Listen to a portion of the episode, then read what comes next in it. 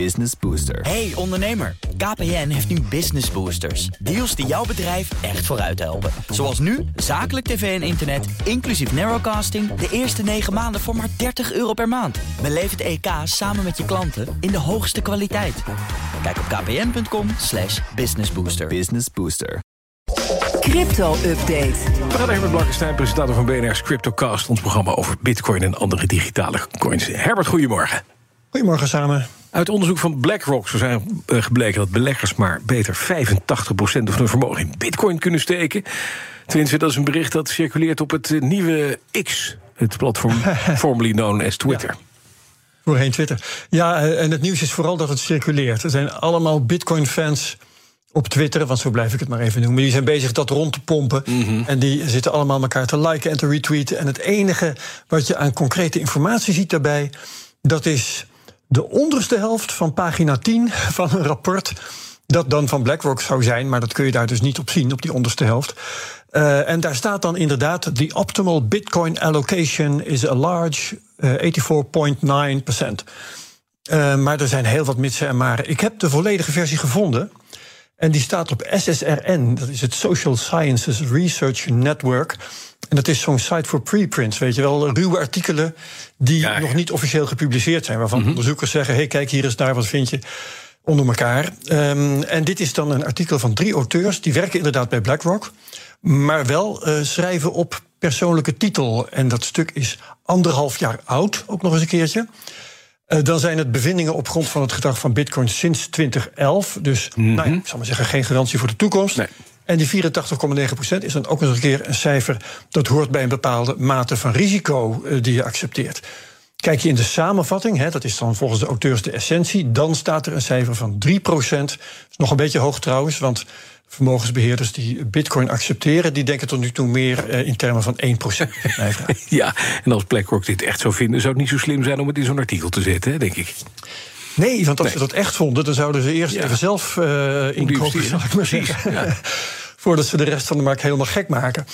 Ehm, ja, BlackRock heeft 9000 miljard in beheer. De marktkapitalisatie van Bitcoin is nog geen 600 miljard, hè, dus nog geen 10% daarvan. Dus ik denk niet dat BlackRock heel erg bitcoins aan het hamsteren is op dit moment. Maar- En ik denk ook dat blockchain-analisten dat wel zouden signaleren. Ja, toch, Fundstrat, een bureau voor financieel marktonderzoek en marktstrategie, voorziet een bitcoinkoers van 180.000 dollar volgend jaar. Dan denk ik over. Ja, Oké. ja de, de, eh, juichverhalen zijn niet van de lucht de laatste tijd. Nee. De bitcoin-koers spreekt wat andere taal op dit moment trouwens, hè, 29.000 dollar. Eh Fundstrat zegt dat op grond van berekeningen. eh, in die berekeningen zitten dan natuurlijk aannames. En een hele belangrijke is in dit geval dat de ETF van BlackRock, daar heb je ze weer, eh, goedgekeurd wordt door de SEC.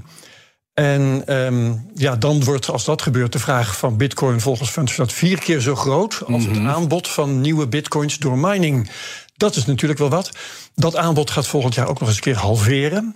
Dat is de gewone vierjaarlijkse halvering hè, van de beloning van de miners. Ja. En dan zal de prijs wel omhoog moeten, zegt Fundstrat. Maar dan moeten wel al die aannames waar zijn en hun berekening moet kloppen. Ja, precies. Het is, iedereen is lekker op dreef als het gaat om eh, voorspellingen. Want ze zijn niet de enige, hè, volgens mij. Nee, nee, eh, iedereen maakt elkaar helemaal gek. Ark Invest, eh, technologie-investeringsmaatschappij, zegt 600.000 dollar in 2030. Robert Kiyosaki, ook een bitcoin-goeroe, die zegt 500.000 dollar in 2025. Dat is al wat dichterbij. Plan B, hè, dat is het Nederlandse orakel dat het nooit bij het juiste eind heeft. Die roept ook weer allerlei eh, veel te hoge bedragen van de daken.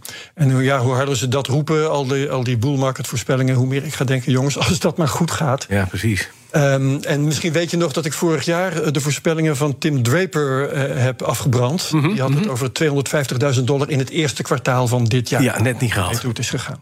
Nee. Precies, we zitten rond de tiende. En, en daaronder nog, hè, in het eerste kwartaal van dit jaar. Hoe zit het met de reputatie? dit jaar zaten we tussen de 15, eh, Exact. tussen de 15 en de 30 ergens. Ja. Ja, ja. Hoe zit het met de reputatie van het Fundstrat, hè, waar we het eerst over hadden, die 180.000? Kunnen die het een beetje? Eh, nou, dat is ook een leuk verhaal. Bij Ja. Fundstrat zit Tommy Lee. Ja. Die is daar partner, redelijk bekend figuur, doet de hele tijd dit soort voorspellingen. En ik hou ze bij, zoals je misschien weet. Kom Mhm. Ja. elk jaar eh, be- bes- Ja. bespreek ik ze een beetje. Ik heb ze van hem alleen al zes eerdere voorspellingen. Mhm. Die variëren van 15.000 dollar voor eind 2018 tot 125.000 dollar voor eind 2022. En die zijn allemaal niet uitgekomen. Oké. Dus hetzelfde wat ik destijds over Tim Draper Ja. zei. Dat kun je zeggen over Ja. Tommy Lee en Funstrat. Je hoeft ze niet serieus te nemen. Maar- Dat wil trouwens niet zeggen dat we die 180k niet een keer gaan halen. Hè? Want Mhm. vier van de zes bedragen die Lee eh, eerder heeft genoemd... die hebben we wel degelijk een keer gehaald. Ja. Maar veel later dan hij heeft gezegd. Ja, ja, dus dat precies. is dan zo'n beetje de conclusie. Ehm, Het gebeurt hoe dan ook later, misschien helemaal niet. Nee, oké. Wat zit er in de CryptoCast deze week, Herbert? We hebben Maarten Bloemers van Guts. En dat is een bedrijf dat tickets uitgeeft voor concerten en cabaret. Maar dan als NFT. En dan denk je, oh jee, daar heb je weer. Daar gaan we weer. Eh, ja. Maar Maarten Bloemers is een speciaal geval. Nee, dat ga ik nu even verdedigen. Mhm. Want die is er al sinds 2017 mee bezig. Lang voordat NFT's een hype werden. Dus hij was er het eerst bij, Mhm. zo'n beetje. En wat meer is, dat bedrijf van hem is een van de weinige cryptobedrijven uit die tijd die überhaupt nog bestaan. Ehm, Hij heeft ook nog eens een keertje, vind ik leuk, zijn eigen concurrent in het leven geroepen. Want zijn technologie heeft hij vrijgegeven. Hij zegt, dan wordt de markt groter. Profiteer ik uiteindelijk ook zelf van. Ehm, ja, en een van de voordelen van zijn technologie is eh, dat eh, als eh, tickets worden doorverkocht, dat een artiest opnieuw kan vangen. Hè? Dus dat is, ga- gaat niet in eigen leven leiden. Nou, ehm, hij heeft nu 4,5 miljoen euro investeringsgeld opgehaald om internationaal uit te breiden. Dus dat is wel wat, daar gaan we het over hebben. Hartstikke leuk. Dankjewel. Herbert Blankenstein. Alle afleveringen van de CryptoCast zijn te horen via de BNR-app. Heb je die niet? Dan moet je hem hebben. Want wie de app niet hebt, die hoort er niet meer bij. De crypto-update wordt mede mogelijk gemaakt door Bits, de Bitcoin-spaardienst van Bitonic. Business Booster. Hey ondernemer, KPN heeft nu Business Boosters. Deals die jouw bedrijf echt vooruit helpen. Zoals nu, zakelijk tv en internet, inclusief narrowcasting... de eerste 9 maanden voor maar 30 euro per maand. Beleef het EK samen met je klanten in de hoogste kwaliteit. Kijk op kpn.com businessbooster. Business Booster.